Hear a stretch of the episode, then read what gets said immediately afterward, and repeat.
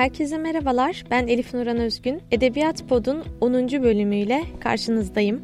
Öncelikle hem kendimi hem de siz dinleyenleri 10. bölüme ulaştığımız için kutluyorum. Ee, 10 bölümdür yaklaşık olarak böyle 15 dakika 20 dakika süre aralıkları arasında edebiyatla ilgili konuşuyoruz. Bu bölümlerde biliyorsunuz ki edebiyatın çok farklı farklı noktalarına değindik. Ama her şeyden de öte ben eski bölümleri böyle bir gözden geçirdiğim zaman şunu görüyorum. Biz genelde edebiyatın ortak yönlerine değinmişiz ya da edebiyat teorileri üzerine konuşmuşuz. Bundan sonraki bölümlerde de yapacağımız işi bu şekilde isimlendirebiliriz. Yani bu podcast'te edebiyatın ortak yönlerine değiniyoruz ve edebiyat teorisini, edebiyat kritiğini, eleştirisini biraz karıştırıyoruz. Bu bölümde de benim çok sevdiğim bir konuyu konuşmak istiyorum sizinle. Bu konu orijinallik. Yani edebiyatta orijinallik ne anlam ifade eder? Bu sorunun cevabını arayacağız. Bu sorunun cevabını ararken de tabii ki reprodüksiyon eserlere odaklanacağız. Bu tanımı ben uydurdum. Gerçekten hani böyle bir tanım yok edebiyatta. Ama ben bunu hali hazırda var olan bir eserin üzerinde değişiklikler yaparak farklı bir formatta sunulmasına isim olarak önermek istiyorum. Bu bağlamda da iki kitabı inceleyeceğiz. Birincisi Mary Shelley'nin Frankenstein'ı, bir diğeri de Ahmet Sadavi'nin Frankenstein Bağdat'ta isimli eseri.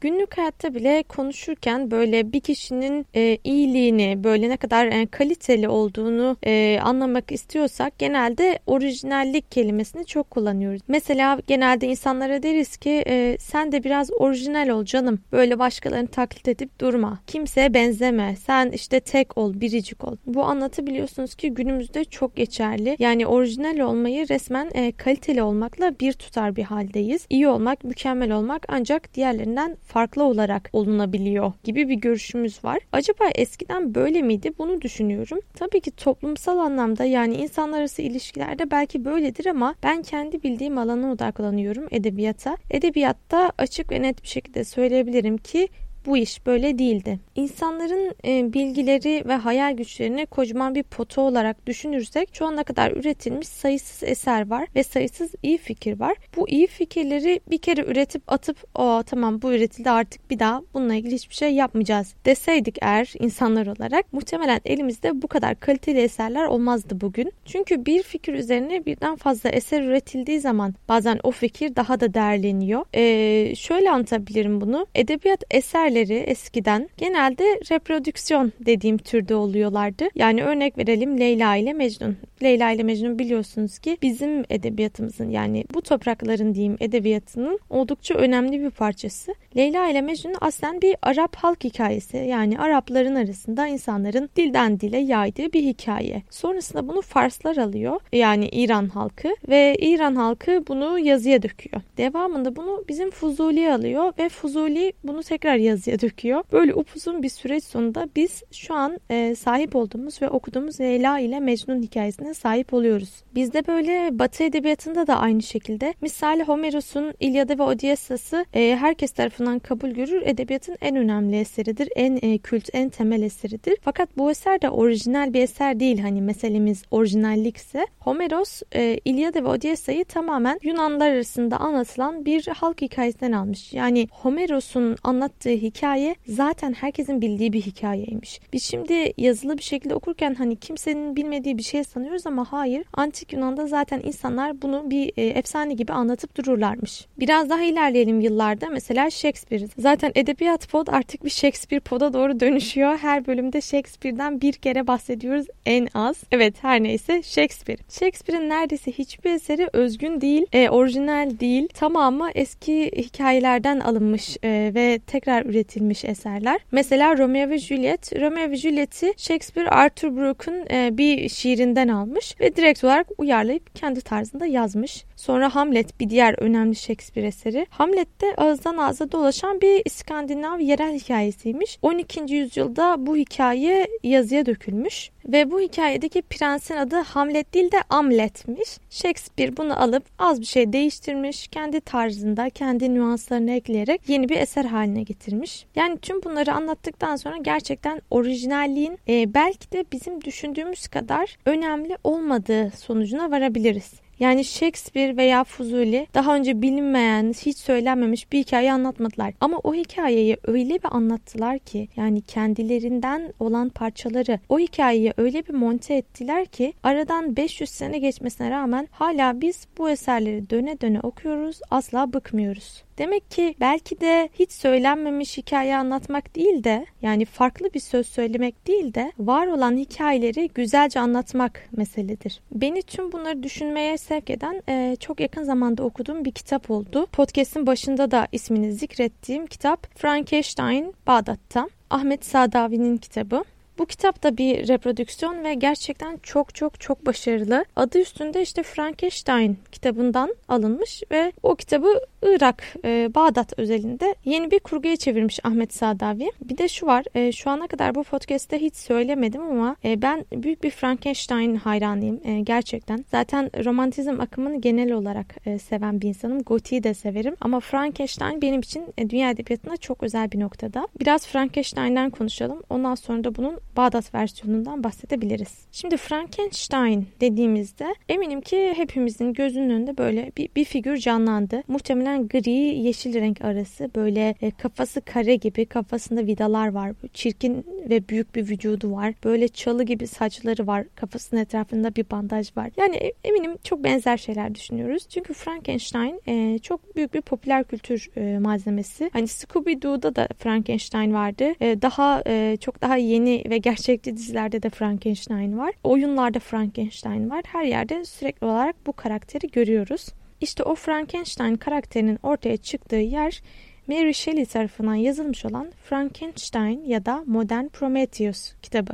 Bu kitap 1818 yılında basılmış bir kitap. Yani e, nispeten eski bir kitap diyebilirim bunun için. Yazılış hikayesi de çok ilginç. Mary Shelley e, henüz 19-20 yaşındayken bu da e, 1816 yılına e, karşılık geliyor.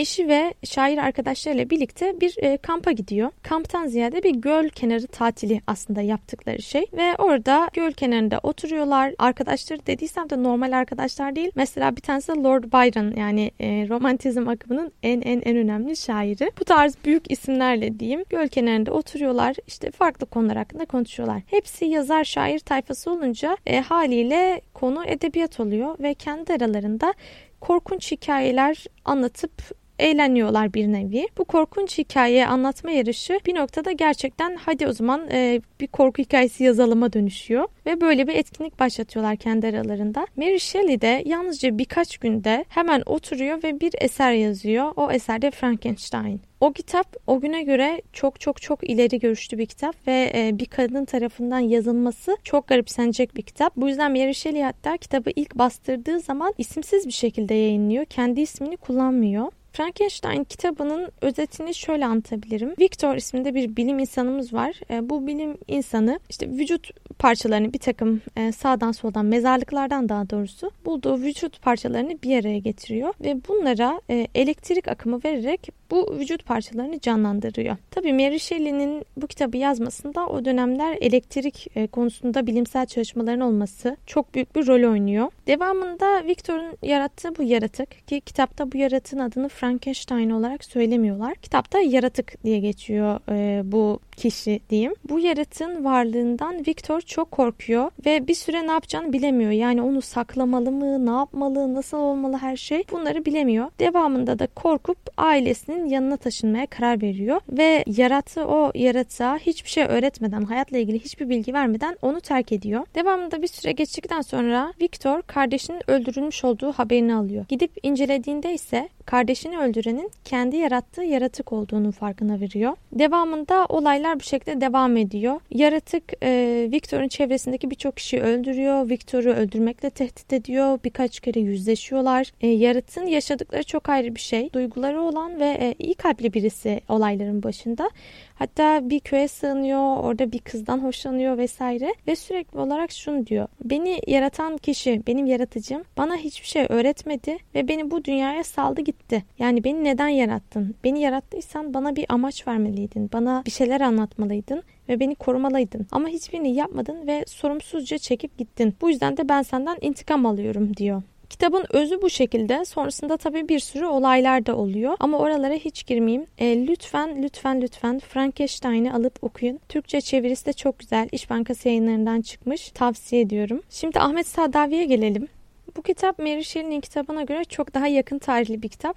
Birkaç sene önce çıkmış. Iraklı yazar Ahmet Sadavi'nin kaleminden çıkan Frankenstein Bağdat'ta Timaş yayınları tarafından basılmış. Süleyman Şahin tarafından Türkçe'ye kazandırılmış. Bu kitapta hepimizin televizyonlardan şahit olduğu 11 Eylül sonrasındaki süreçte Irak'ta özellikle de tabii ki başkenti Bağdat'ta yaşanan Amerikan işgali dönemi anlatılıyor. Amerikan işgali döneminde hem Amerika'nın baskıları hem de Irak'ın çarpık yönetimi yüzünden yüzlerce binlerce Iraklı can verdi. Hatta bu cinayetler öyle bir noktaya gelmişti ki artık ölen kişilerin cesetleri bile bulunamamaya başlandı ve boş tabutlar gömüldü. Bazı kişiler tabii gömülemedi bile. İşte bu trajik noktayı anlatan bir kitap Frankenstein Bağdat'ta. Bu kitapta ana karakterlerimizden birisi Eskici Hadi. Eskici Hadi bir arkadaşının cesedini tamamlamaya çalışıyor o arkadaşını gömmek için ve bu yüzden gidip ceset parçaları topluyor ve o ceset parçalarını işte dikerek birbirine kendince yeni bir beden oluşturuyor. Fakat Hadi'nin unuttuğu bir nokta var. Bu ceset çok ilginç bir şekilde canlanıyor tamamlandığı zaman ve bir insan suretinde hareket etmeye başlıyor. Tabii ki Hadi bundan çok korkuyor ve ne yapacağını da bilemiyor açıkçası. O da Frankenstein'i yaratan Victor gibi benzer bir tepki vererek varlığı bu yaratığı terk etmeye karar veriyor. Devamında hikaye daha da garipleşiyor. E, bu yaratık bu sefer vücuduna parçaları dikilen kişilerin intikamını almaya başlıyor. Mesela kolunu diyelim ki bir adamdan almışlar. O adamı da bir tane Amerikan askeri öldürmüş. Bu yeni yaratığın kolu ki buna ismi nedir e, ismini takıyorlar. Bu ismi nedir'in kolu o Amerikan askerini öldürene kadar ondan intikam alana kadar asla yerinde sakin bir şekilde durmuyor. Ve bu yüzden de ismi nedir sürekli olarak bir intikam peşinde. Ve intikam alındığı zaman da vücudun o parçası kendini tamamen yok ediyor,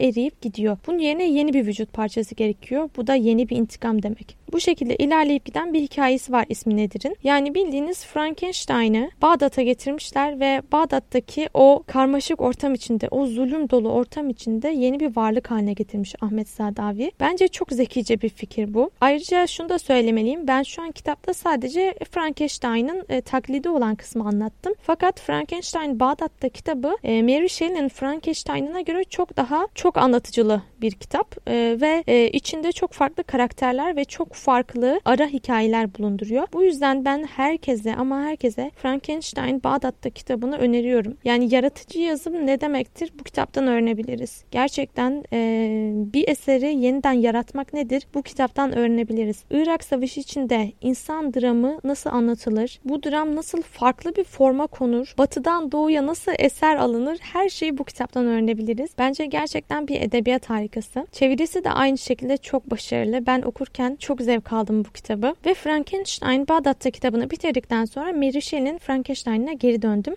Ve iki kitap üzerinde de düşündüm. İki kitabı elimden geldiğince karşılaştırdım. Ve gördüğüm şey şu oldu.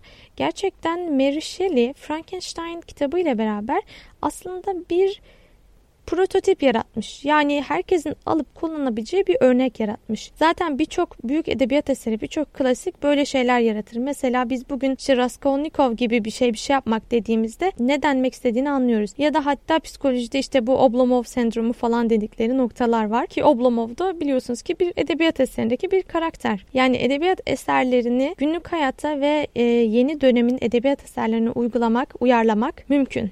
Bu iki eseri göz önünde bulundurduğumda ve en başta sorduğum soruya döndüğümüzde ben görüyorum ki orijinallik o kadar da önemli değil. Evet Ahmet Sadavi burada daha önce hiç yaratılmayan bir karakter yaratmadı. Daha önce hiç bulunmayan bir fikir bulmadı. Ama daha önce söylenmiş bir sözü öyle bir şekilde söyledi ki tıpkı Fuzuli'nin yaptığı gibi, tıpkı Shakespeare'in yaptığı gibi, tıpkı Homeros'un yaptığı gibi biz de onun yaptığından çok etkilendik. Yani en azından ben ve eminim ki başka okurlar da çok etkilendi. Ve artık kafamızda iki Frankenstein var. Bir orijinali bir de Bağdat'taki Frankenstein.